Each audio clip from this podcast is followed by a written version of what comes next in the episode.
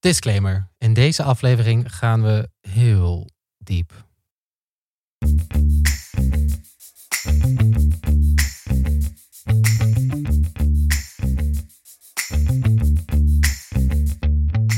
Welkom bij Datevermaak. De podcast waarin wij, Lieke, Lisa en Timo uitzoeken wat daten anno 2020 betekent. Het zijn rare tijden en die vragen om duiding. Daarom leek het ons een perfect moment om een keer uit te zoomen en filosofisch te reflecteren op de moderne liefde. Want wat zouden de eeuwenoude filosofen van vroeger zeggen over daten anno 2020 en specifiek in coronatijd? Deze grote vragen gaan we natuurlijk niet zelf te lijf, want daarvoor hebben we onze huisfilosoof Rutger uitgenodigd. Hallo Rutger. Hallo. Zo'n fijne stem heb jij. Ehm, om te beginnen, hoe, hoe gaat het met jou in deze tijd?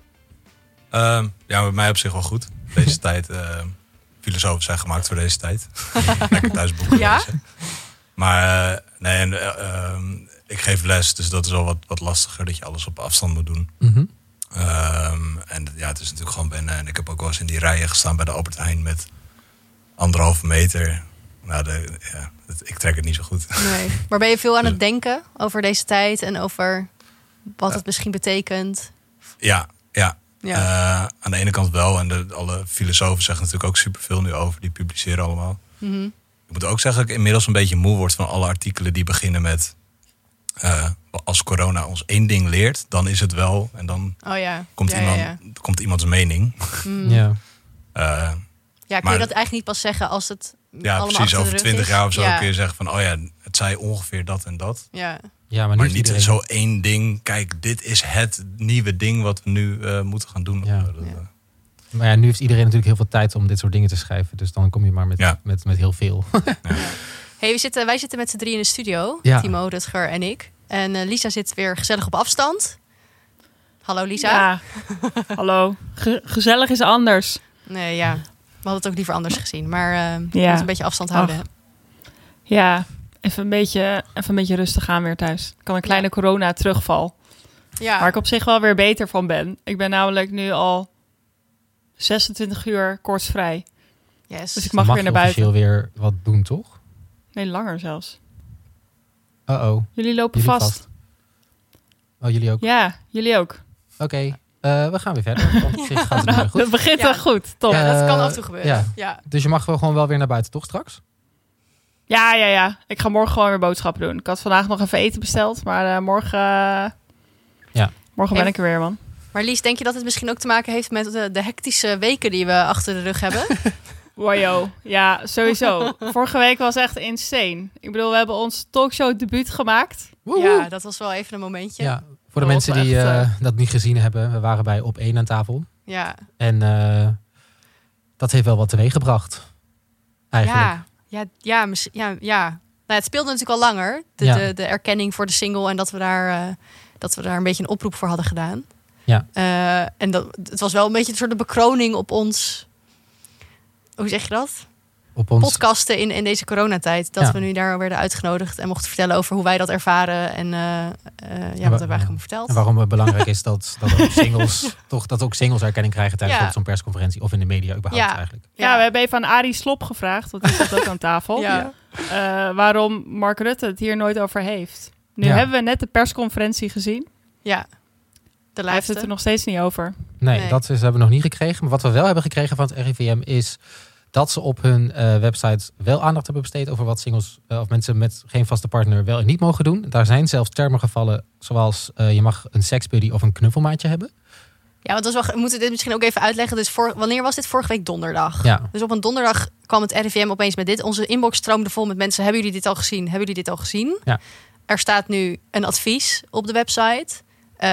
van ja, we snappen het als je als single ook behoefte hebt aan contact. Ehm, wat stond er verder? Wacht even, ik ga het opzoeken, want ik heb het opgeslagen. Mhm. Het Ondertussen- is logisch dat u als single ook lichamelijk contact wil hebben. Het is wel extra belangrijk dat u bij intimiteit en seks het risico op het coronavirus zo klein mogelijk houdt. Bespreek samen hoe u dat, hoe u dat het beste doet. Spreek bijvoorbeeld met dezelfde persoon af om lichamelijk of seksueel contact te hebben. En dan tussen haakjes, bijvoorbeeld een knuffelmaatje of seksbuddy, mits u klachtenvrij bent. Ja, en, En daar is dan toen iedereen, ja, Maar seksbody stond ook nog tussen twee aanhalingstekens. Hè? Dat Ja. vond ik ook wel mooi. Ik weet niet wat ze daar ook mee bedoelden. Wat, wat bedoel je ik dan met die het ook. Kan dus aanhalingstekens? alles zijn. Wat zeg je? Kan dus Ja. alles zijn. Ja. Maar ja, want Lisa, wat dacht jij toen je dit zag? Ik, was er, ik werd, werd er wel blij van. Ik, werd, ik vond het echt fantastisch. Dat ze Ja. ten eerste eh, aandacht hebben voor de singles. Ze echt letterlijk benoemen. En dat ze ook nog echt een soort van heel duidelijk zeggen wat er wel en niet mag. Was ik echt heel blij mee. Ja.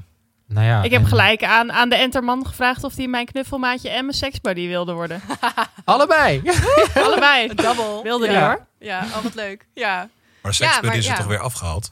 Ja, Nou, dat is dus het hele ding. Want dit vond- was heel erg vooruitstrevend. En ik moet zeggen, ja, vond jij het aanstootgevend dat er term uh, sommige seksbuddy werd gebruikt? Nee, hoe leuk is dat we zo'n overheid hebben die dit soort termen gebruikt. Ja. Ik vond dat dus echt heel, en heel duidelijk. Want het is dus een maatje of een buddy. Dat is dus één persoon waar Ja. je dus afspraken mee moet maken. Duidelijker dan dat krijg, kan je het eigenlijk niet krijgen. Nee, ik vond het ook best wel lief of zo. Ja. Dat ik een beetje zo'n soort, alsof je opa dan zegt... Oh ja, neem jij maar gewoon een knuffelmaatje. Ja, hè? ja, gewoon best wel leuk. Eh, Eh, en werd, het werd ook heel grappig in, in heel veel andere landen overgenomen. Dus Ja. The Guardian schreef erover. En in Nieuw-Zeeland volgens mij. Ja. En in Spanje. Ja. Dus ik was ook wel een beetje trots op Nederland. Van, oh ja, kijk, wij zijn vooruit, vooruitstrevend bezig. ja, wij zijn ook nog echt Geef even dit genoemd, advies eh, na Denemarken, de twe- tweede land. Ja. En toen? En toen word je wakker vrijdag. vrijdagochtend. met opnieuw heel veel berichten in onze inbox van... Het staat er niet meer. Of in het- de termen seksbuddy en knuffelmaatje zijn weggehaald. ja. Ja. Wat, is, Ja. wat is daar gebeurd? Wat is er op de- het RIVM Nee, dit was gebeurd? zaterdagochtend. Het heeft Zaterdag? Dus, volgens, Oh, ja, ja. zaterdag. Ja. Het heeft een hele dag eh, wel Gestaan. online gestaan. ja. Oh ja. Ik keek ook al zo uit, jongens, naar het moment dat Mark Rutte of Jaap van Dissel seksbuddy of knuffelmaatje ging zeggen. Ja, daar gaat En het dat niet dat meer dan ook uitgebeeld wordt, natuurlijk. In, eh, Oh ja. eh, Oh, je Door gebarentaal. Oh, door Irma. Ja. ja, ik, ik was er helemaal op aan het verheugen. Maar ja, eh, nee dus. Want toen was er ineens uitgehaald. Nee, want toen zei het RIVM... Even kijken hoor, want ze hebben toen wel... al- De woordvoerders hebben allemaal interviews gegeven in verschillende media. Ja, en wat Eh, ze... bij RTL en bij nu.nl. Het was allemaal een beetje steeds wat anders eigenlijk wat ze zeiden. Van ja, het had nog veel reacties opgeroepen. Daarom Ja. hebben we het eraf gehaald. Het was misschien niet helemaal... Wat volgens- het RIVM. ja, wat de woordvoerders zeiden volgens mij tegen nu.nl is dat ze niet wilden stimuleren om, om dus die seksbuddy te krijgen. te zoeken. Te zoeken, ja, echt dus actief, actief. op zoek te gaan. Ja. Ja. En er werd later nog gezegd, ja, dit was eigenlijk bedoeld voor mensen in een latrelatie. Ja, toen dacht ik echt, wat de fuck is dat? Wat bedoel je daar nou weer mee? Dat is Nou, echt- een latrelatie. ja, weet ik, maar... ja, maar dat is toch niet voor singles? Ja. Nee, daarom. Dit vond ik ook heel flauw. Ja, nee, dat is ook zo. Ja. Rutger, Ja. wat vind jij hiervan? Nee, jij bent, ben jij het bent volgens mij iemand in een relatie. Hoe kijk jij Ja. hier, hier naar? eh, dat ik heel blij ben voor anderen als ze inderdaad een knuffelmaatje of een seksbuddy Ja. tussen aanhalingstekens hebben. Eh, ja, en een beetje, een beetje, hoe zeg je dat? Flauw, onprofessioneel. Dat je het er eerst weer op gaat zetten en dan dankzij kritiek er weer af gaat halen. Ja. Terwijl het juist een supergoeie term is volgens mij om, Ja. om dit soort dingen eh, te handelen. Ja, ja, dat vond ik ook. Ja, Ja. en ik vond gewoon een beetje, ja, gewoon echt een beetje, ik was wel een beetje teleurgesteld. Ja. Dus moeten we nou weer een En toen actie dacht ik wel, ja, oh ja, nu hebben de mensen in de relatie hebben weer gewonnen. ja, ja.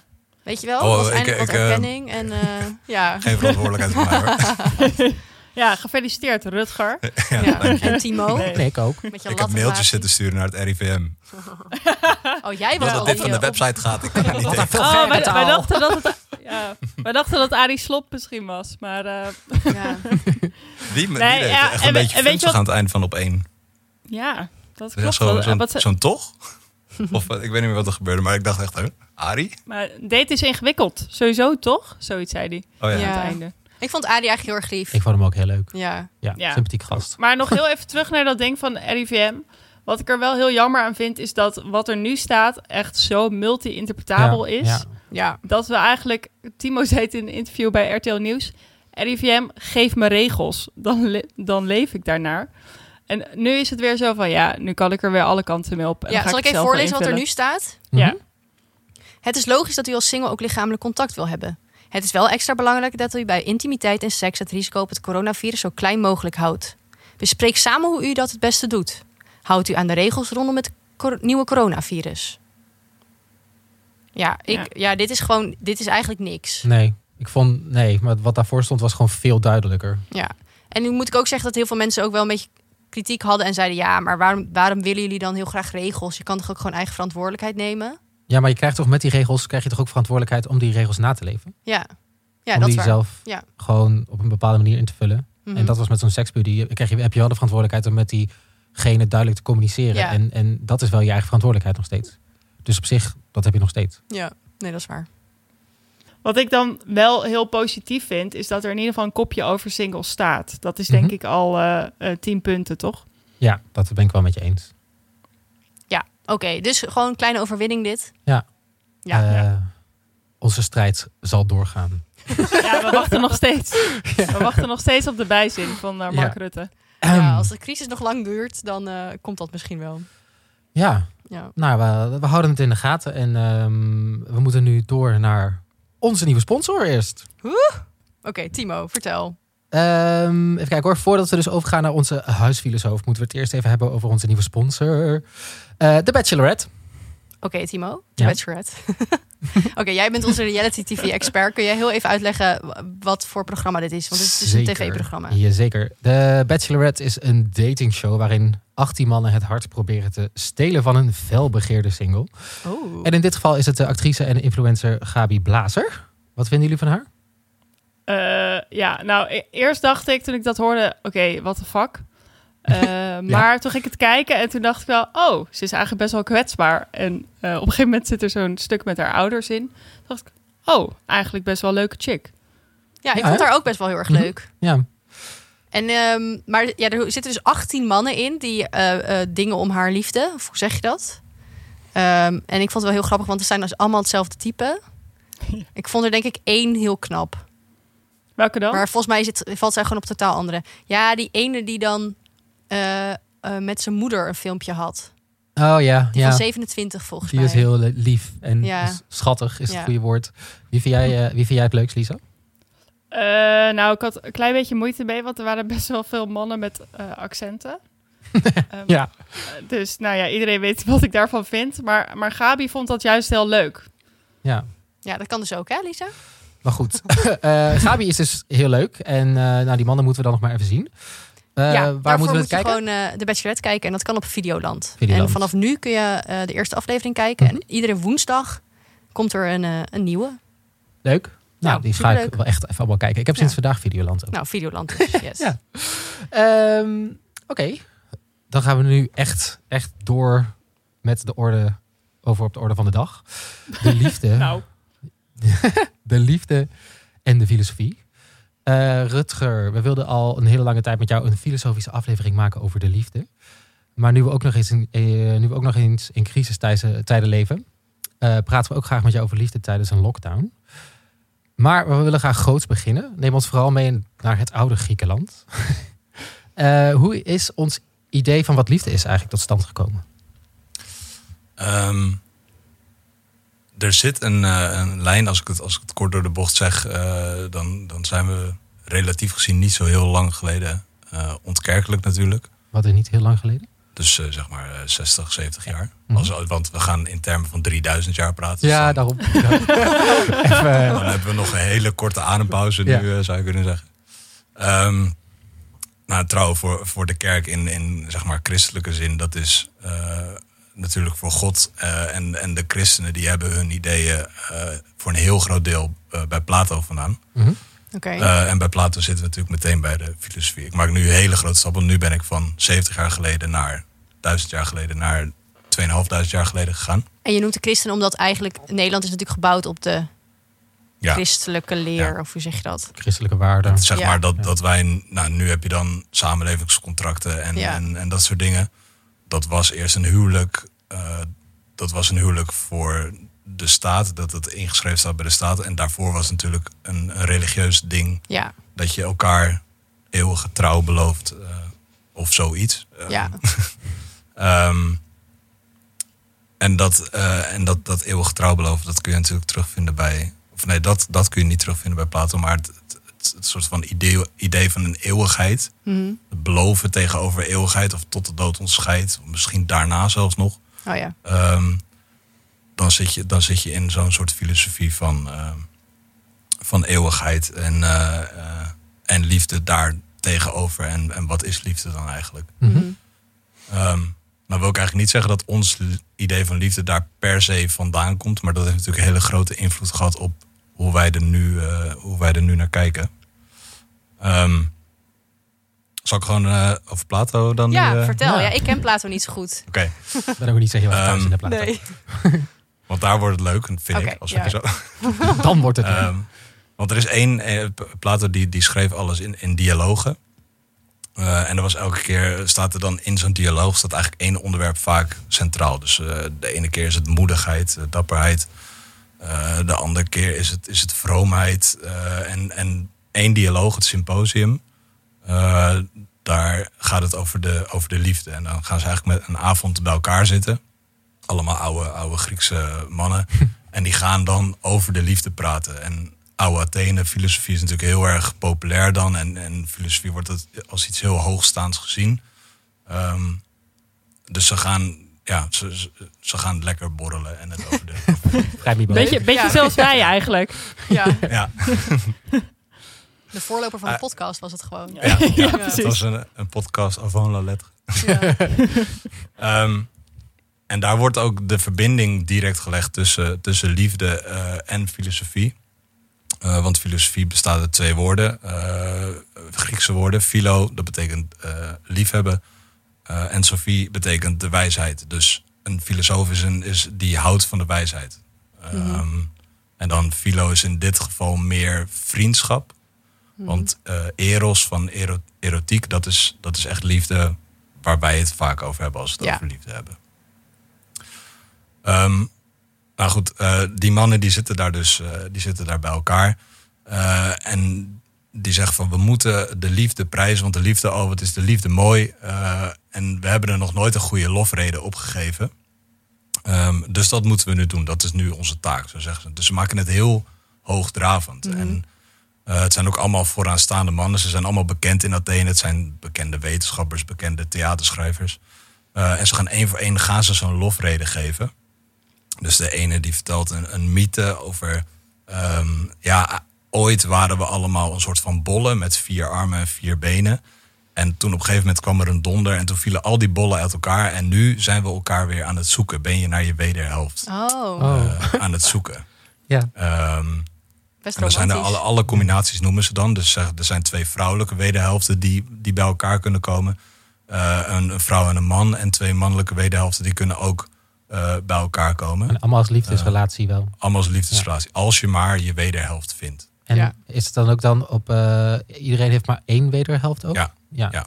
Wow, dus echt, de, hoe noem je dat? De soulmate. Dus. Ja. De soulmate. Is daar ja, ja, Ja. ja. Ja. Ehm, nou, er is, er is nog een, een arts die zegt, ja, het gaat gewoon om balans. Je moet gewoon eh, lichamelijk gezond zijn en eh, een partner is daarvoor nodig. Dan zijn de seizoenen in balans, dan ben jij ook in balans. Die andere is in balans, alles lekker in balans. Ehm, en er is nog eh, één, eh, er zijn nog wel meer, maar dit zijn de, de echt eh, belangrijke. Eén die zegt, het is een soort politieke training. Ehm, Oh. want een goed persoon zijn in het oude Athene is, valt eigenlijk helemaal samen met politiek. Eh, en het zijn natuurlijk ook al, al die vooraanstaande mannen die dat, vrouwen en slaven en kinderen doen hier ook niet aan mee. Ehm, en het is een politieke training. Dankzij het liefhebben van iemand word jij getraind in het zijn van een goed persoon. Oké. Ehm, eh, want jij eh, je bent jezelf aan het, eh, aan het voorbereiden. Dus je moet laten zien als je die persoon tegenkomt dat je eerlijk kan zijn. Dat je een goede krijger bent. Dat je, dus dat is dan het idee. En ik krijg dat je je openstelt daarin of zo aan een ander? Eh, ja, ja, openstellen. Weet ik niet. Oké. Je zou misschien eh, wel al kunnen linken aan ons, toch het maatschappelijke idee nu ook nog steeds wel dat misschien een relatie het ultieme is. Omdat Ja. je dan blijkbaar als mens, ja, dat hebt kunnen bereiken. Ja. En je dus een goed mens kan zijn omdat je die Precies, liefdesrelatie omdat je, hebt. omdat je het volhoudt. ja, Omdat je, ja, En ik twijfel dan bij, bij, bij openstellen, want het is juist, als je, als je het daar leest, dan denk je een soort van, het is een soort van ehm, eh, masker ophouden. Kijk hoe eerlijk en dapper en, en hoe goed ik eh, hier ben. hoe goed ik ja. ben. Dus Ja. openstellen zou ik dan zeggen, ja, juist niet. Want niet soort van... ze durven niet kwetsbaar te zijn en Ja. niet. eh. Ehm, Nou goed, dat zijn allemaal lofredens. En die mensen zeggen, oh ja, wat, eh, de liefde is echt het mooiste en het grootste wat er is. Kijk maar wat voor... eh, ze, ze, ze, ze vertellen hele verschillende verhalen, maar ze vertellen eigenlijk alle drie zo van...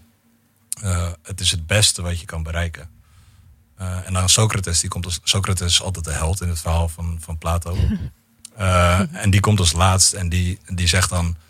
eh, Oké, willen jullie nog dat ik ga praten? Want eh, blijkbaar is het niet de bedoeling dat we de waarheid gaan vertellen. En ik wil eigenlijk wel de waarheid vertellen, anders wil ik niet praten. Oeh. Spannend. Dus het, dus het begint gelijk Ja, met, ja, een, ja, met een steek.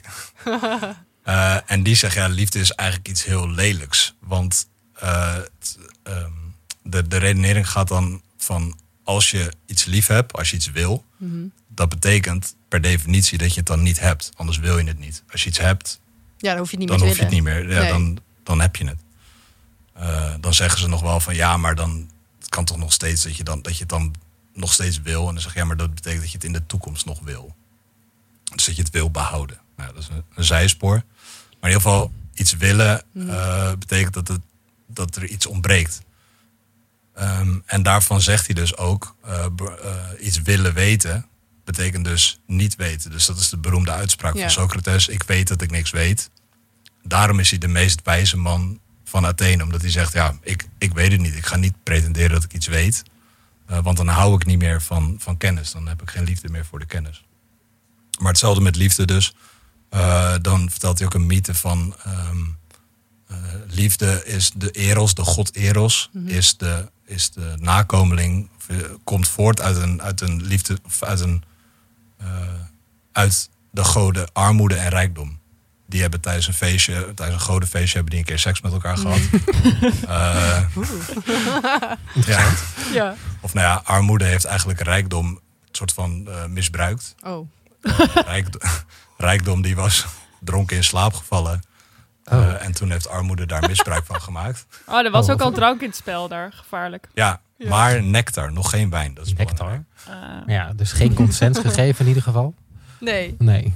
Oké. Ehm, En daar kwam Eros uit. en daar kwam Eros uit. Dus Eros is, zeg maar, door dat verhaal dan zo, zowel het wel hebben als het niet hebben. Dus het rijkdom en de armoede. Hmm. Ehm, en daar komt, daar komt dan de Platoonse theorie, wat later dan een christelijke theorie wordt. Ehm, het, de liefde is de communicatie tussen het, het tijdelijke en het eeuwige. Zeg maar. Van de vergankelijke wereld naar de eeuwige wereld is liefde daar een soort van de, de boodschapper, noemen ze het dan. Maar wel lelijk, dus een soort van. ehm, hij zit tussen lelijkheid en, en schoonheid in, want hij Ja. is dus die boodschapper. Oké, want toen je... Oké, heel even terug. Want eh, wat je zei over Socrates in het begin... Toen dacht ik heel erg... Want hij zei van ja, het is... eh, iets willen is iets lelijks. Eh, want dan betekent dat dat je iets niet hebt... en dat je iets wil dat je niet hebt. Dus dat je niet tevreden bent met zoals je bent of wat je hebt. Zeg ik dat Eh, goed? Ja, maar dit wordt letterlijk zo eh, ook gevraagd in de dialoog. Oh ja. Uh, maar dan, dan is het antwoord daarop nee, het is niet mooi. En als iets niet mooi is, is het niet per se meteen lelijk. Oké. Dus er zit je, hebt, je, hebt, je hebt absolute schoonheid, Ja. waar iedereen zo vol van is. Je hebt echt lelijkheid Ja. en armoede en ellende. Ja. Mhm. En datgene daartussenin. Oké, dus hij eigenlijk zegt hij gelijk al: eh, liefde of dat willen is niet per se het ultieme. Ja. Ja. Oké. De, de liefde heeft betrekking op het ultieme. Ja. Uh, net als dat een broer zijn van iemand Ja. heeft betrekking op die persoon. Maar die persoon is niet de broer. Want dat is... Of uh, ja, die persoon is wel de broer, maar het broer zijn is de betrekking. En Ja, niet ja, het, daartussen. het ja. ding zelf. Ja. Ja. Oké. Dus dan kan je. Ja, oké. Dus je zou kunnen zeggen dat Socrates dan misschien ook al wel iemand was die het hebben van een relatie niet per se boven het zijn, het alleen zijn vers- zetten, of wel? Ehm, Zag hij een Nee, relatie nee, als ja, iets wel, eh, wat als- je moest als je zo'n- nastreven? ja, als je zo'n relatie gaat nastreven als een soort romantisch ideaal van Ja. zo moet het zijn en, en dit is het, Mhm. dan is het klaar voor Socrates. Want dan zegt ja, En hoe zou dan Socrates kijken naar hoe wij de hele tijd op zoek zijn naar relaties, toch veel van onze generatie? En een heel erg ideaal beeld hebben van ook misschien dan toch de wederhelft vinden van die moet perfect zijn en mhm. eh, dat moet helemaal compleet zijn. Wat zou Socrates daarover zeggen? ik denk dat hij het, het op zoek zijn zou die waarderen. Mhm. Want dat is de, de kern van die filosofie. Uh, maar als je gaat zeggen, het, is, het moet mijn wederhelft zijn, dan Ja. gaat het mislukken, want dan, die bestaat niet. Die bestaat niet. Want dat, dat veronderstelt een soort idealiteit hier bij jou in het zeg ja, maar, hij was niet van de, van de bolletjes met de vier armen benen. Nee. nee. Nee, daar, eh, daar, daar doet, dat, eh, want dat verhaal wordt verteld en dan een paar Mhm. pagina's verderop gaat hij dat expres nog een keer Oh ja. belachelijk maken. Oh, Zo ja. van, ja, iemand vertelde ooit. Ja, dat Oh, is net een half uur geleden ja, aan je ja, ja. verteld. Oh, wat grappig. Wat, wat zou hij ons wel aanraden, Socrates? Wat we dan wel moeten doen? Ehm, ik denk dat dat op zoek blijven. Dus Mhm. niet eh, gaan zeggen dat je, het, dat je het hier op een bepaald moment gevonden hebt. En dan zeggen, Mhm. oh ja, kijk, dit is inderdaad waar ik naar zocht. Ehm, want dan is het zoeken zelf opgehouden. En dan, Dan is het eh, al klaar. Ja, dan Dus- is het al klaar. En als je dan bijvoorbeeld kijkt, als we een case study mogen nemen, dus als je kijkt naar mijn relatie, dus ik, heb, Mhm. ik heb- ben dan verliefd geworden op iemand. Eh, wat, en dan moet ik niet zeggen, nou ik heb het nu allemaal, ik heb het nu perfect. Dus je moet altijd op zoek blijven naar nieuwe dingen eigenlijk in die relatie. Je moet nooit zeggen, Ja. zijn, het is nu voltooid wat wij hebben. Want dat zal altijd, Ja. is er altijd moeten blijven een, werken. eh, Ook het gaat door moeilijke ja. tijden heen. Ja, je kent die persoon ook nooit Nee. hond- helemaal, want die persoon is een ander. Is altijd een een ander. ander. Ja. Ja. Ja. En, en de liefde, omdat het dus eh, in die mythe dan de, de, de, de nakomeling is van rijk, rijkdom en armoede. Hey, het is nog steeds een god en het is iets. eh, ehm, hoe zeg je dat? Het heeft, wel ook, het heeft echt betrekking op de eeuwigheid. Ja. Dat, dat klinkt natuurlijk heel filosofisch en, en moeilijk, maar ehm, bijvoorbeeld als je verliefd bent, dan, dan is het natuurlijk ook dat je alles vrolijker doet. Dus Ja. je, gaat, je, zet, je zegt net even wat vrolijker en wat harder tegen de cashier. Oké, goedemiddag. Dat je denkt, oké, hoezo? Dan zou je kunnen zeggen, je, je zou kunnen zeggen, nee, ik ben alleen op die persoon verliefd. Ja, En de rest van de wereld is hetzelfde gebleven. Maar dat, is dat is natuurlijk niet. niet, zo. Nee. Ehm, dus dat, ja, dat zijn, dat is, dan kom je allemaal in, in moeilijke platoonse theorieën. Maar ehm, het heeft iets van verliefd zijn op één iemand. Of Mhm. houden van één ding betekent houden van alles. Ja. Ja, de, de liefde en een relatie is dus eigenlijk iets anders. Toch?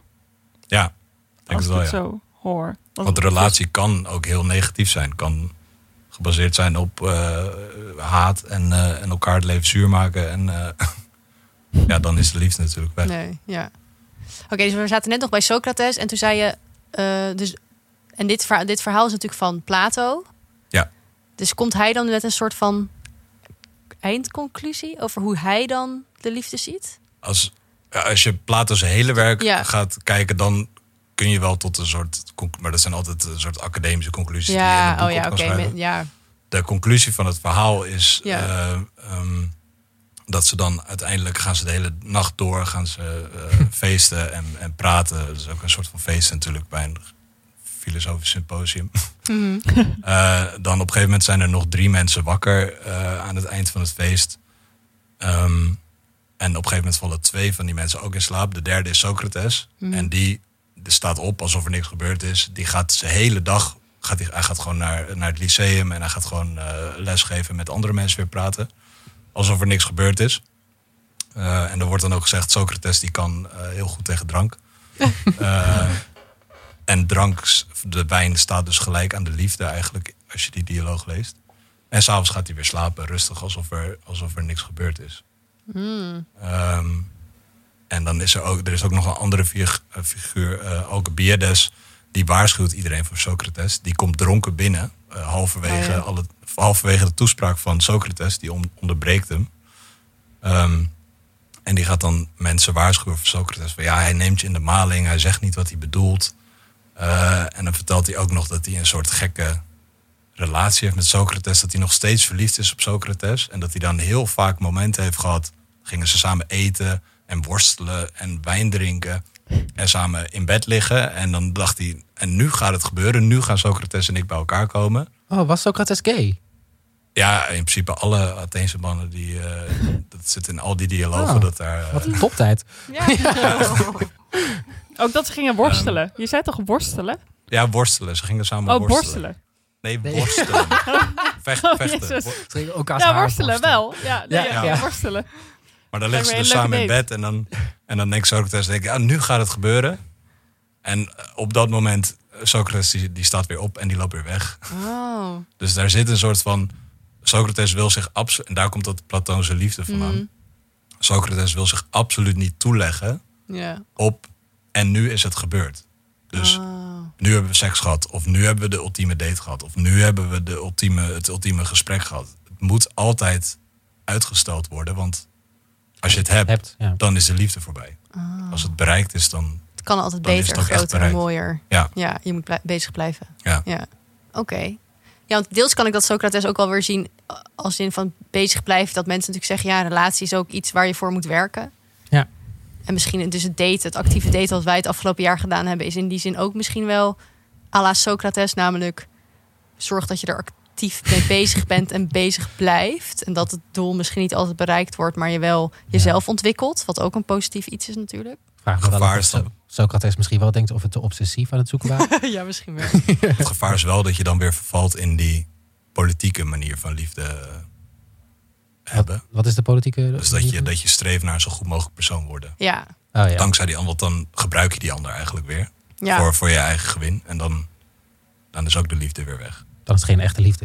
Nee, Nee, precies. nee. Dus het kan niet een soort van ontwikkelen van... oh ja, ik ben weer een beetje beter dan gisteren... want ik ben weer een beetje dapperder of zo. Oh ja. Eh, Zou ik dat eigenlijk wel vind. Ja, ik ja, het is wel mooi. Dan komt, Ja. ja, is dat, dat is toch ook alweer iets goeds? Of zo? Je leert, ja, hoe beter je jezelf leert kennen, hoe beter je misschien ook weet waar je naar zoekt en hoe je die zoektocht in wil richten. ja, maar het kan niet het doel op zich zijn. Als ik beter zeg, worden. beter- of, ja, Ja. of, of nog een specifieker doel van... ik wil dapperder worden, dus daarom kies ik jou nu uit. ja. Eh, oh, zo. want oh, jij ja. leert me dapper zijn. Oh ja. Want dan, dan vind je het eigenlijk... dan hou je meer van het dapper worden... dan van de persoon die je dan Oh, uitgekozen hebt. holy shit. Mm. Oh ja. Ik- want, want ik heb, volgens mij heb ik het wel eens eerder in de podcast gezegd dat ehm, eh, ik een vriendin heb die een keer zei van, ja, volgens mij is echt de ultieme relatie als je elkaar allebei een beetje beter maakt. En dat vond ik dus heel mooi. Maar als je dit zo hoort, dan is dat dus niet, dan is dat geen echte liefde. Nou, Het ligt aan de volgorde. Dus dat je met iemand bent en daardoor word je beter als een soort Ah, ja, fijne ja. bijkomstigheid. Dat is prima. Maar als ik zeg, kijk, daar loopt persoon X, die kies ik uit, want ik heb dit andere doel. Mm. Ja. Dat zou persoon X niet, niet grappig vinden als je dat doet, denk ik. Een golddigger. Dat je dus met een Ja. rijke man gaat, zodat je rijker wordt. Ja, Even heel erg plat gezegd. Zo, ja. ja. Oké. Ja. Eh, Oké, kunnen, we hier, kunnen we hier al iets uit meenemen? Zeg je nou, dit is een soort van. Eh, wat kunnen we hieruit leren? Is dit, is dit zo. Dus dit, Oké, dus dit is een beetje hoe, hoe dus. waar het ontstaan is in, Ja. in het oude Griekenland. En dat heeft zich voor het idee wat wij dus van liefde hebben, is dus op een gegeven moment doorontwikkeld Hmm. naar toch een beetje die christelijke waarden. Waar ja, we- want dit klinkt ja. eigenlijk allemaal heel erg. Eh, wees jezelf, wees Ja. blij met jezelf. wat we nu je juist bent goed genoeg. meer hebben, toch? Je kan op zoek zijn, maar je hoeft nooit het doel te bereiken, want Ja. het doel is er eigenlijk niet. En als het doel bereikt wordt, dan is het klaar. Mag ik een stomme vraag? Komt ineens helemaal op. Wat Oh. zou Socrates vinden van zoiets, eh, het hebben van een slutface? Wat? van een wat? Oh, een, slutfa een fase. Ja, een bedoel je? slutfase. Oh, Oh. gezicht. Slut- slutface. slutface. Dus dat je een slettenfase hebt. Eh, Ja, dat nou, die heeft, die heeft die continu. Want het, is- wat, wat, wat ik zei, van het, eh, het komt in veel dialogen voor. Dus er is één dialoog, ik weet even niet meer welke, die begint ook. Dan zitten ze samen in het badhuis met allemaal mannen. Eh, Klinkt als één grote ho- homodroom, dit. Ja, ja, dat denk ik wel. Ja. Ehm, en dan, dan, die, dan begint het iets van echt zo van ja, en zijn, zijn ehm, hoe noem je dat? Toga eh viel een beetje van zijn knie af. Oh, dus ja. Socrates kon net zo er tussendoor kijken ehm, wat hij daar zag. En dan gaat de dialoog gewoon weer verder over oh, Oh, ja. filosofie, bla bla bla. Ja. Tussen de regels door kon je merken dat hij eh, Ja. zeer geïnteresseerd was. Oh ja. Eh, dus dit was hoe. Dus eigenlijk was de liefde heel erg iets opens en iets heel erg vrijblijvends en iets eh, wat je kon hebben, maar ook heel goed niet kon hebben misschien. En de kerk heeft dat eigenlijk heeft de liefde eigenlijk geclaimd en er een soort van construct van gemaakt waarbij je wel met dezelfde persoon moet zijn. Ja. Je moet als maagd het huwelijk in, dan moet je kinderen krijgen, bij elkaar blijven. Ja, een Ja. goed leven leiden, dan ga je dood en dan kom je in de hemel. Ja, want aan de ene kant zoals je kan vervallen in, eh, dus via die Platoonse definitie van je kan vervallen in, oh ik doe het maar omdat ik een beter persoon wil worden, of Mhm. ik doe het alleen maar eh, voor de seks, of alleen maar voor dit of dat. Kun je natuurlijk ook, wat er bij christenen eh, heel veel is gebeurd, vervallen in het extreme, een soort van eh, ascetische. eh, al, het, al, het, al het tijdelijke en al het aardse is slecht en zondig. Mhm, Ja. Ik ga me alleen maar op, op het hogere ideaal focussen.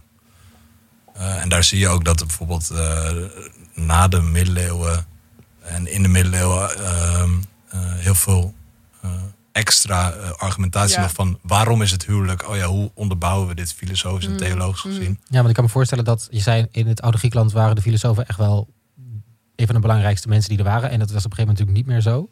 Eh, waren er nog kritische filosofen in de middeleeuwen die zeiden ja, maar het idee wat we nu van liefde hebben, dat is niet helemaal wat het zou moeten zijn.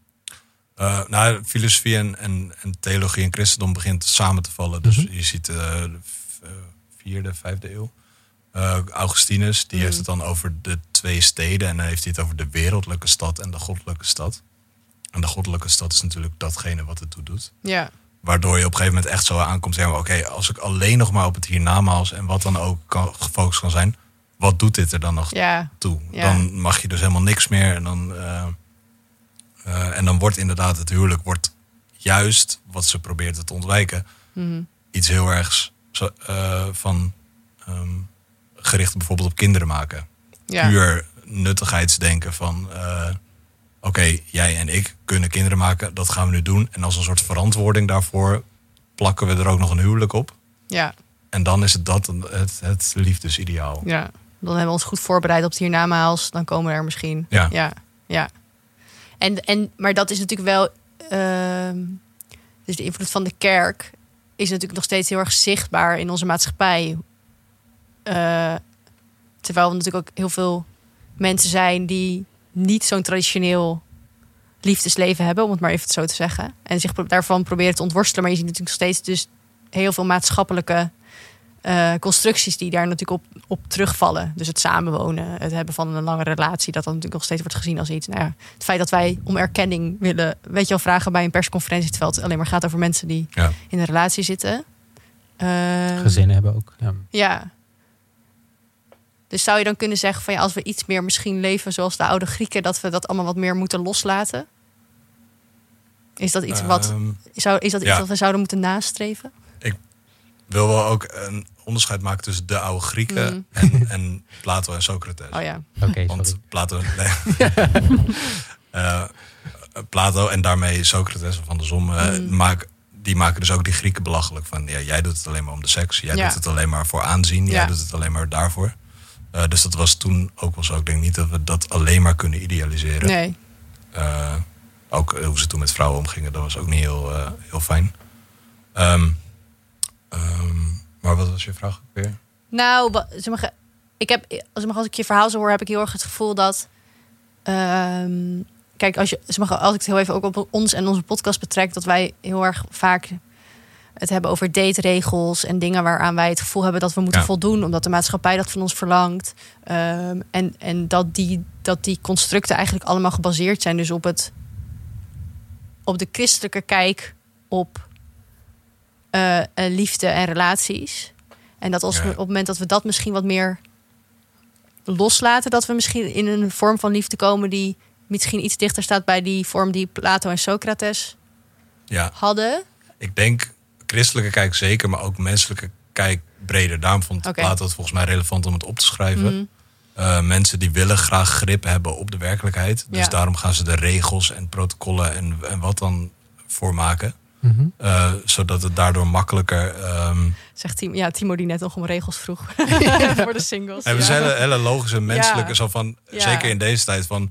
Oh, wat moet ik? Geef me alsjeblieft een regel, want Ja. dan weet ik wat ik moet. Ja, Ehm, maar ja, en volgens mij probeert Plato dat te zeggen zo van ja, als het op liefde aankomt en, en eh, ja, dan weet je niet wat je, wat je moet. Ook alles, alle belangrijke momenten in die dialoog, daar, wordt, daar gebruikt hij het woord plotseling. Mm. Van toen plotseling gebeurde dat, want het is allemaal Oh. onverwacht en chaos. eh, dus het en overkomt weet je, niet, gewoon. Ja, je weet niet waar je aan toe bent. En dan probeer je dus die regels op te zoeken waar je dus ja. aan, vast, aan vast kan houden. Ja. Maar als je op een gegeven moment zegt, oh ja, dit is de regel, dus zo gaan we het doen. Dan is het plotseling is weg. Want dan heb je die Ja. letterlijk de regelmaat Ja. die dan eh, bepaalt wat er, wat er gaat gebeuren. Maar zijn wij dan ook niet heel fout bezig door eh, altijd in onze outro te zeggen dat deze podcast pas stopt als al onze kwarrels zijn omgeturnd tot echte rela's? En Dat we dus naar iets heel specifieks op zoek zijn en dat we zelfs de, de confetti-kanon afschieten als Timo een relatie heeft. Zeg maar, daar, daar zijn we toch eigenlijk hetzelfde aan het doen? Eh, ja, klopt. En volgens mij ook toen je, de- als ik het goed herinner, die aflevering dat jullie dat zelf, hoe noem je het, self-partnered Ja. eh, Mhm. Ja, toevoegden. ja. dan kom je eh, ook op, in zo'n zo'n oneindige eh, regressie van... oké, wat gaan we nog meer toevoegen? Eh net Oh, als ja. dat mensen wel eens zeggen... Van, ja, de, de, de, de, de- je had eerst de eh, LHBT-community... en daar Mhm. komen steeds weer letters Ja. bij. En dan zeg je, hoeveel letters moeten erbij komen? Eh, uiteindelijk oneindig Ja. veel letters... En oneindig veel definities om een soort van... ja, Om iedereen of alles te omvatten. Ja. En, en, en om grip te krijgen op, ja, dit ben ik in deze absurde wereld en dit gebeurt me. Ja, oké, ik heb er niet echt Ja. een naam voor, want dit is me nooit eerder overkomen. Het is ook wel grappig, want dat is natuurlijk eigenlijk ook de reden waarom wij met een podcast begonnen. Namelijk dat we niet zo goed grip hadden op onze hele datesituatie in ons liefdesleven. En daar heel erg behoefte aan hadden. Maar eigenlijk is dat dus iets totaal logisch. En moet, moet je dat misschien niet zo willen. Maar is het ook alweer heel menselijk dat we wel op zoek zijn natuurlijk naar die, eh, naar die controle. Ja. ja, en juist zeg maar een regel opstellen en, en hem vervolgens weer onderuit halen en een nieuwe regel proberen Ja. te zoeken. Dat is, dat is ook iets wezenlijks van, van filosofie. eh, Ja, dat, dat, dat is eigenlijk het enige wat filosofen doen. Elkaars regels onderuit Ja, halen en zelf Maar, weer daar- maar daar zijn we dan wel weer mee bezig, toch? ja, regel. Dus wel weer nieuwe, toch wel weer Ja. denken van die bestaande regels in, in twijfel trekken. En dan denken, misschien moeten we het zo of zo proberen. ja. Dus dat, dat, is, dat is dan wel weer verantwoord. Maar als je het dus niet weet, is het ook helemaal goed. Ja. Of als er geen regels zijn. Ja. Ja. Ja. Maar als je dan maar niet gaat zeggen, oh ik weet het allemaal niet. Ik laat het helemaal Je moet wel eh, blijven zoeken. los. Je moet blijven zoeken. Ja. Dan Blijven is ook. Dus eigenlijk moet onze slogan of onze, onze uitsmijter zijn: Dit was Datevermaak, de podcast die nooit stopt, want we zullen altijd blijven zoeken. ja, Ja. dit is mooi. deze vermaak. We blijven altijd zoeken. Ja, tot ziens. Ja, Ja. nou, 80 we hebben wel trouwens gelijk gelegitimeerd, Timo, dat jij nog steeds in datevermaak zit.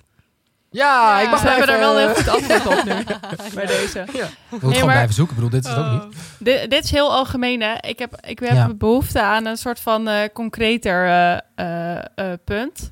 Ik heb namelijk een eh, vraag. Uh-oh. Ik, ik eh, heb zelf eh, heel veel eh, eh, interne struggles gehad bij het feit dat ik een soort van verliefd ben geworden op de Enterman, terwijl ik hem nog nooit in het echt had gezien. Is dat, zeg maar, ik had daar, eh, ik voelde het allemaal wel, maar als ik het ging rationaliseren, dan dacht ik altijd, ja, maar dit kan natuurlijk niet. En zelfs na één keer zien dacht ik nog, nee, je kan je, kan je niet zo voelen als je elkaar maar één keer hebt gezien. Heb je daar een filosofisch antwoord op? Ja, goede vraag. antwoord niet, reflectie wel. Daar doen we het ook voor. Daar doen we het Ja. ook voor. Ehm, nou inderdaad, laten we het in, eh, zo concreet mogelijk houden van... eh, oké, we, we gaan uit van een soort common sense eh, verliefdheid. Ik ben een persoon, dat is een persoon. ehm, en wij worden verliefd op elkaar. Of de een wordt verliefd op de ander. eh, de Mhm. ander, nou ja. Ehm, dan kun je je natuurlijk nu eh, afvragen van... Wat, wat, is de, wat is de persoon die je nu ervaart? En het enige wat je ervaart via een scherm is eigenlijk elkaars gedachten. Je kan het wel heel even hebben over, oh, wat staat er op, je, op die kast achter je en, eh, en wat heb je een leuk behang. maar daarna wordt, is het alleen maar inhoudelijk, eh, volgens mij, als je zit te zoomen of te skypen. Hmm. Ehm, dus het is wat dat betreft heel erg cognitief. En de Ja. lichamelijkheid mist natuurlijk per definitie.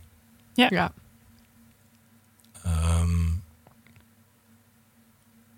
dan zou, er is een, er is een, een gedachte-experiment, ehm, de, de ezel van Burden heet dat. Dat is een, een ezel die is volledig rationeel. Hij maakt al zijn beslissingen rationeel. En hij moet kiezen tussen twee precies dezelfde hooibalen, die op precies dezelfde afstand bij hem vandaan staan. Eh, en welke hooibaal gaat hij kiezen? En dan is, dan is het het, het uiteinde van het gedachte-experiment. Hij sterft van de honger, want hij kan Ja, geen nee. rationele beslissingen maken tussen twee Precies. exact dezelfde hooibalen. Oh, dat is wel zielig. Dat is heel... Ik zie nou een dode ezel voor me.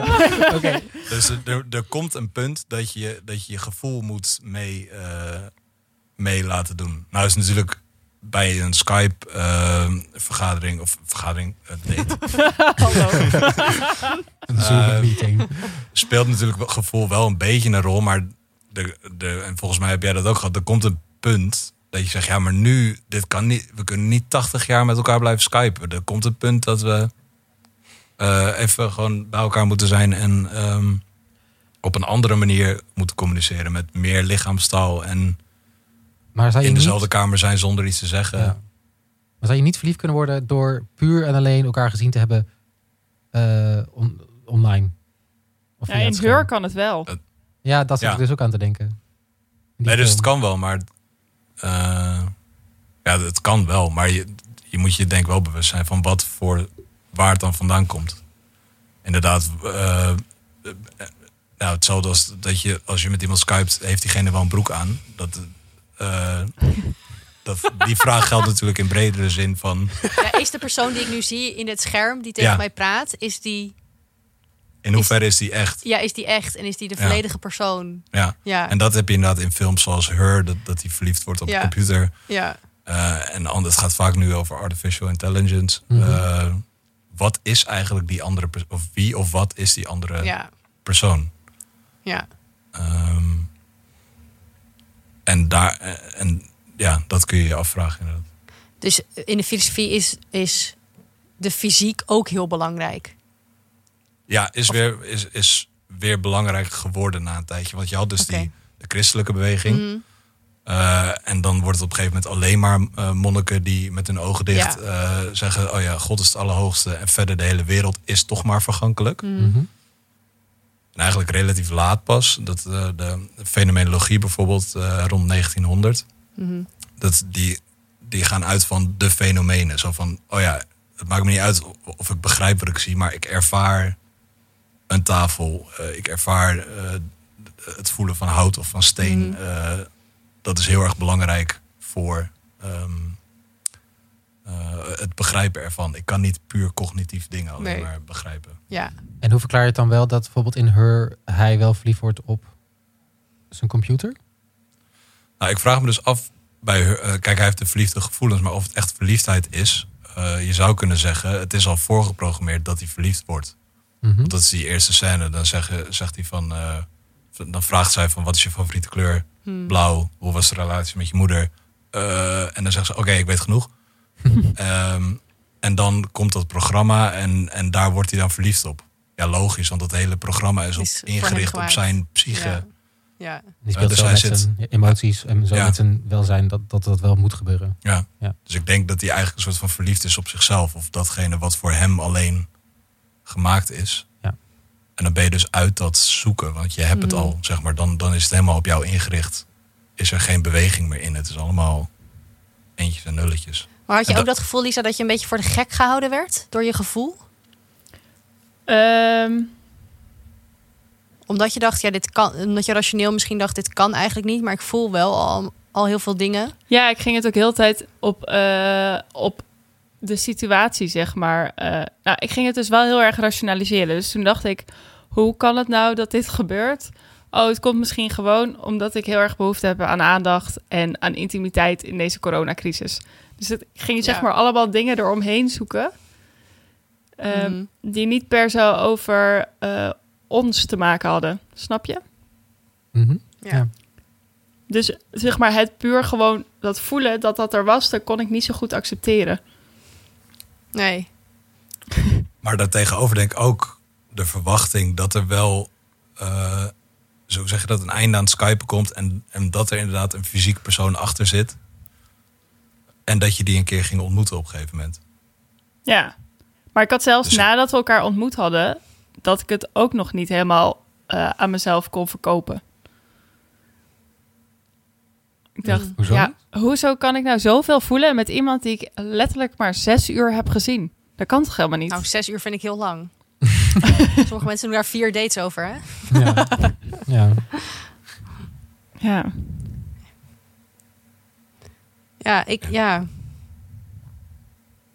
Ja, misschien is het ook wel omdat we natuurlijk... Kijk, bijna alles wat wij consumeren is natuurlijk via een scherm. Dus ik denk dat daar misschien ook wel heel veel dingen in veranderd zijn inmiddels. Dus dat voor ons eh, iemand spreken via een scherm of door de telefoon helemaal niet zo heel anders is dan iemand in het echt spreken. Behalve dus dat je dat lijfelijke mist. ja, maar dat is toch een Eh. super groot onderdeel. Je kan toch niet zeggen, behalve dat je dat lijfelijke mist. Eh, ja, Want volgens mij word je ook verliefd op iemand die eh, op een bepaalde manier beweegt of Mhm. Mhm. ehm, eh, ruikt. Er zijn volgens mij heel Ja. veel dingen die je ook oppikt. ja, Waar een scherm wel eh, echt een barrière is. ja, dat is waar. Maar Maar goed, ik, het dan een verliefdheid voor een soort van een kwart. En dat het andere, de andere drie kwart moest nog komen toen je het echt zag. ja, en toen was gewoon kaboom. Toen kwam er... Oh, lief wel. Nee, maar ik vond het wel interessant Ja. dat ik dus... Ja, dan ga ik heel stom lachen. Oh, eh, maar ik vond dus wel interessant dat ik dus zo'n innerlijke strijd had de hele tijd met mezelf. En waar denk je dat dat ook vandaan kwam? Dat je dacht van, ik kan toch niet aan mensen verkopen dat ik verliefd ben geworden op Skype? Nee, dat had ik wel. Ik vond het ook een beetje gênant om te zeggen. Ah ja. Ja, Net als dat het in de jaren 90 of 80 dat mensen niet durfden te zeggen dat ze een, een eh, hoe noem je dat? contactadvertentie hadden geplaatst. ja. Ja, ja, en in de begindagen van online daten... dat mensen dat ook niet durfden te zeggen. Ja. Dat je dan maar gezegd, ja, we hebben elkaar in de kroeg ontmoet. Terwijl het gewoon op Tinder was. ja, Ja. precies. Ja. Oké. Ja. Nou ja, ja, ja, eh, ja. Ik weet, ja. Maar Rutger, als ik jou begreep, was het dus eigenlijk... Zeg jij eigenlijk van, ja, dat kan eigenlijk niet? Nee, nee, het, kan, het kan wel. Oké. Daarom, eh, nou, ik, als, als ik Plato er bijvoorbeeld Ja. erbij haal, eh, dat hij dat plotseling de hele tijd Oh, ja. erbij haalt. Van, Ja. het, kan, al- alles, het kan op elk moment kan alles gebeuren. Ja. Eh, juist als dingen niet vast liggen. Ja, misschien ontmoet je elkaar bij de Eiffeltoren en voel je niks. En misschien Skype je met elkaar en voel je wel wat. Ehm, eh, dus het, het kan wel. Ik denk alleen wel dat de, de veronderstelling dat er een, een lichamelijkheid aan vastzit... en dat dat ooit wel ervaren gaat worden... ehm, Ja, dat het een het- grote rol speelt. ja, en dat het niet je ideaalbeeld ja, is geweest van... oh ja, wat fijn dat we nu met Skype eh, dit kunnen doen. Want dit, deze ervaring vind ik heel fijn. Maar het gaat je om de persoon erachter. Ja, het is Ja. ook toch weer die zoektocht of de reis die je dan nog gaat Ja. maken. ja, dat je ergens naartoe... eh, ja. Ja. Oh, Oh, ja. en dan zijn we daar weer beland. Ja. Mooi. En we zijn terug. En ik vind dat plotseling ook heel mooi. Want ik denk ook dat deze hele eh, coronasituatie natuurlijk heel plotseling... ook allemaal nieuwe plotselinge wendingen heeft gebracht aan ons datingleven. Waar je dan maar een beetje in mee moet bewegen misschien. ja. Ja, dat denk ik ook. Of eh, zeg ik nu iets heel raars? nee. Nee, lijkt me goed. Oké. En ook waarom iedereen zo'n hekel heeft aan het, aan het nieuwe normaal en zo. Die term. Oh, ik word er helemaal lijp van, ja. Ja. Dat iedereen zegt, de nieuwe realiteit. Dat is zo. verschrikkelijk. Want dat, dat sluit het plotselinge uit. Dus dan, alle, alle leven en liefde is, is eruit. Omdat we het nieuwe normaal aan het volgen zijn. Met anderhalve meter en lijnen op de grond. Ja. Ehm, dan heb ik ook nog één vraag. En wil ik graag een vraag inbrengen aan jou, Rutger, nu we je toch hier hebben. Ehm, ik merk dat ik nu dus al best wel een lange tijd met mijn eh, relatie in, in quarantaine zit. En we doen niet zo heel veel buiten onze quarantaine. Eh, we zien elkaar gewoon heel veel. Wat heel veel mensen zeggen dat dat je nader tot elkaar brengt. Omdat je heel veel tijd met elkaar doorbrengt en elkaar heel goed leert kennen. Ehm, klopt dat? Eh, Kan dat? Ja. Kan, kan dat? Kan dat heb, heb jij hier ja. een reflectie op? Ja, dat, dat, dat is sowieso natuurlijk een gegeven dat je dichter bij elkaar komt en elkaar beter leert kennen. Ik denk wel dat, tenminste, ik heb het zelf ook gehad, en meer mensen met een relatie, dat je zo'n quarantainetijd komt eraan. Misschien niet eens met een relatie of als zit je ongemakkelijk met één iemand Mhm. ineens eh, als Mhm. laatste eh, in, in een kantoor ergens. Dat je denkt, oh, nu zijn we op elkaar aangewezen. Eh, aan de ene kant kun je natuurlijk dichter bij elkaar komen en er, wat we eerder zeiden, van er, ervan leren en, en je ontwikkelen. Mhm. Eh, aan de andere kant is het natuurlijk een soort ontsnappingsmogelijkheid weggevallen. Zo van, oh ja, fijn dat ik de hele dag op werk ben. Dan hoef ik jou even Niet te zien. niet te zien. Ehm, dus het, het, het kan natuurlijk twee kanten uit. Ehm, maar filosofisch gezien is elke keer voor mij een beetje de, de, de ja, het, het punt van zorg dat je niet in regels vervalt. Mhm. Dus je kan of met z'n twee heel erg in een bepaald patroon vervallen. Nou, dan gaat ook het, het leven en, en, en de liefde eruit, zeg dus- maar. Ja, de burgerlijkheidspaniek eigenlijk. De burgerlijkheidspaniek, ja. De sleur. De sleur. Ja. Oh ja, nu moeten we dit doen. Want Ja. dat hoort bij Ja. dat... eh, ehm, dus waar- hoe je daarvoor zorgt volgens mij... is dat je eh, wel, ondanks dat je met z'n twee bent... en heel dicht op elkaar zit... dat je alle twee eh, jezelf... eh, blij- ja, dat klinkt zo cliché, je, lekker jezelf blijven. Maar Zeiden ze ook al in 2000 jaar. ja, Ja. in ieder geval dat je dat je, je eigen eh, autonomie eh, in stand houdt. En Ja. daar is op een gegeven moment ook wel een filosofische stroming eh, mee op gang gekomen van de ander. Mhm. En Ja. die werd dan vaak ook met een hoofdletter geschreven, hoofdletter A, de ander. Eh, die blijft fundamenteel onbegrijpelijk. Want op een gegeven moment, als eh, op een gegeven moment de ander wel begrijpelijk wordt, dan is het weer klaar. Dan, Ja. dan Oh, is de God. zoektocht voorbij. en dan zeg je, oh ja, jij gaat nu dit doen, want dat doe je altijd om zeven uur. En, Ja. dan, Oh ja. en dan heb je die, zeg maar, een soort van burgerlijkheid te pakken. Mhm. Eh, Ja. ik vind het ook verschrikkelijk in relaties als mensen zeggen: Oh, wij kennen elkaar zo goed. Dan denk ik, nou, dan is het dus klaar. Want dan. Ja. Ja, en filosofisch is het dus ook niet heel erg fijn. eh, mag het eigenlijk ook niet dat mensen, een koppel, een eigen Insta- eh, samen een Instagram-account hebben, bijvoorbeeld. Toch? Is, is het iets... Is Hoe het het wilde je buurman gaat dit? als Rutger dit soort dingen... Nee, ik heb gewoon een haat aan koppels die een gemeenschappelijke Instagram-account hebben. Wat, zou- wat, zegt, het eh, bestond. ja, wat zeggen de filosofen daarover? Jezus. Ja, eh, moet je een keer googlen. eh, Ja. Filosofische identiteit en Instagram. Dan, dan krijg je wel allemaal Ja. filosofische reflecties ook op Oh, leuk. überhaupt je identiteit. En hoe dat, als het goed is, losstaat van wat er op je Instagram verschijnt. Ja, Want, oké. eh, Ik vind ook wel weer, ik vind, dus ook wel, ik vind ook wel een beetje geruststellend dat je zegt, ja, de ander is, al, is altijd, is fundamenteel om, wat zijn er, onbegrijpelijk? onbegrijpelijk. Ja. Ja.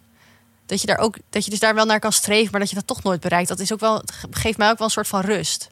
Maar het is ook wel heel, ehm, best wel dramatisch. Als in je, zal de, je zult degene wie je misschien je hele leven doorbrengt, dus nooit volledig begrijpen. Ook Nee, want ik weet toch ook, ik weet niet wat jij denkt. Nee, jij weet niet ja, wat ik denk. dat is ook wel waar. Maar het, het is wel toch dat idee wat we hebben van de wederhelft. En Ja. eh, dat, die, je vult elkaar aan. Dat, dat is, dat zal dus nooit zo zijn. Nee. Omdat je die ander nooit volledig kan begrijpen. Ja. Nou, en en in dat, dat opzicht vul je elkaar wel aan, maar op een soort van hoger niveau. Ja. Dus niet, en, en wat nog een bijkomstigheid is, is dat als die ander onbegrijpelijk is, dat betekent ook dat, die, dat ik die ander steeds de, de kans gun om eh, vrij te zijn in, in het doen en laten. Want als die ander zegt, ja, ik vind jou leuk omdat je zulke mooie handen hebt of weet ik Mhm. veel wat. eh, en mijn handen worden een keer per ongeluk afgehakt. dan is die ander dus eh, zijn regel kwijt om mij leuk te vinden. Dus ik zou zeggen, ja, je, je ga niet tegen elkaar zeggen waarom je elkaar zo leuk vindt. Want dan hangt het weer van een bepaald dingetje af. Ah ja. Dat is ook iets wat in beweging is. Ja, Ja. en die ander is dus vrij om te doen en laten eh, wat ze willen. En Ja. iemand in vrijheid liefhebben Mhm. is eigenlijk het enige wat mogelijk is. Want ik kan, je kan iemand niet onder dwang zeggen, vind mij nu leuk. Of vind, vind hem of haar nu leuk. Ja, Nee. Ja. dat bestaat gewoon niet. Dat is, eh, Oké, om dan toch weer even terug te komen naar, naar mijn relatie dan. Eh, Rutger, wat, ik, ik had al in de afgelopen aflevering verteld over dat ik toch achter dingen kwam die, men, die de buurman deed, die ik toch onbegrijpelijk vond. Mhm. Zoals luisteren naar Kensington en Coldplay trouwens ook. Ik weet niet of die genoemd heb. Eh, en dat hij dus ook zijn scherm klein houdt en niet op fullscreen dingen kijkt. Dat vind ik onbegrijpelijk. Ehm, maar de ander is- dus fundamenteel onbegrijpelijk. Ja. En dat is dus goed. En dat moet je, ik zou dus niet iemand tegen. Ik, dat is oké dat ik dat niet begrijp. ehm, ja, is oké. Ja, lijkt me, lijkt me heel goed dat je dat niet begrijpt. Ja. En ook zeg het vooral hardop dat je dat allemaal niet begrijpt waarom diegene dat doet. Want dan word je ook des te onbegrijpelijker voor die ander. Oh. Wow. Full circle. Klinkt heel complex wel. En dan hou je het spannend. Ja, een Ja, soort van hard to get, maar dan anders. Ja. ja. Oh ja, ja. lekker onbegrijpelijk blijven met z'n tweeën. Ja, en je moet het dus Ja, ook dat- niet willen veranderen van de ander. Want dat is Ja. gewoon zo. Ja, dat begrijp je dan niet. Dat is oké. Dat vind ik wel echt heel interessant. Dus dat je wel inderdaad. Dus je, hebt, je moet altijd ruimte krijgen om dus weer op zoek te gaan naar nieuwe dingen. En Ja. de ander ook. Ja. En dan hou je het dus spannend. En dat is dus wat liefde is. Maar dit mag geen regel worden. Oh Ja, ja, nee, precies. alles was plotseling. Ja, plotseling. ja, dat wel. Oké. Plotseling deed hij zijn scherm wel fullscreen. Ja, plotseling. Er gebeurde Ja, iets, ja. Oké. Wow, oké. Ehm, Wow, dit, Nou, ja. dit is wel echt veel om over na te denken, zeg, joh. ja. ja. En mocht je denken, oh, dat klinkt allemaal wel heel dramatisch allemaal. Wat, ben waar ik dan wel benieuwd naar bij Rutger is, die filosofen zelf hebben natuurlijk allemaal ideeën over liefde. Hoe doen ze het zelf? Eh, slecht over het algemeen. En blijkbaar als je er zoveel over nadenkt dat, je, dat het gewoon niet meer lukt of zo. Eh, ja, nee, dat, dat zie je wel. Eh, Socrates die zei over, over zijn vrouw van... ehm, als ik het met haar uithoud, dan hou ik het met heel eh, Athene uit. dus het was voor hem, dat bij zijn vrouw was wel een soort oefening. Eh, Kant die schijnt eh, als, als maagd gestorven te zijn. Oké. Kierkegaard die heeft zijn verloving afgebroken en die heeft er vervolgens nog twintig jaar over geschreven. Wat een ellende. Terwijl ze Oh. echt drie straten verderop woonde en hij gewoon dat kunnen aanbellen. Je zeggen, hey, ik wil je terug? zeggen, ja. Ja. Dus dat is ook heel vreemd. Ja, ja. Nietzsche die schijnt aan, aan syphilis gestorven te zijn. Eh, omdat hij naar de hoer is geweest. En Heidegger die had iets met Hannah Arendt. Terwijl hij wel gewoon getrouwd was. Oh, ja. En Heidegger die heeft zich aangesloten bij de NSDAP. En die heeft ook wel anti-Joodse dingen opgeschreven. Maar Hannah Arendt was wel weer Joods. Dus oh ja. zit ook iets niet helemaal eh, Nee. goed. Ja, dus eh, ben je nu Dus. filosofie aan het studeren en je denkt, ik wil wel een gezonde liefdesrelatie. Stoppen kan. Nu nog. Nu. Maar niet doen. Filosofen zijn harder nodig dan ooit. Ja, dat is wel waar. Dat is ja, wel waar. Ja. Echt heel fijn. Ehm, Nou, ik ben in ieder geval wel echt geïnspireerd. Ja. En eh, ja, ik eh, heb ook zin om nu weer wat meer eh, me te verdiepen in de filosofie. Dus dank Rutger. Superleuk dat je Graag was. Ja, wat nog vaker vragen misschien gewoon voor als we weer ergens tegenaan lopen. Ja, als we weer even wat dilemma's hebben. en Als we reflectie nodig hebben.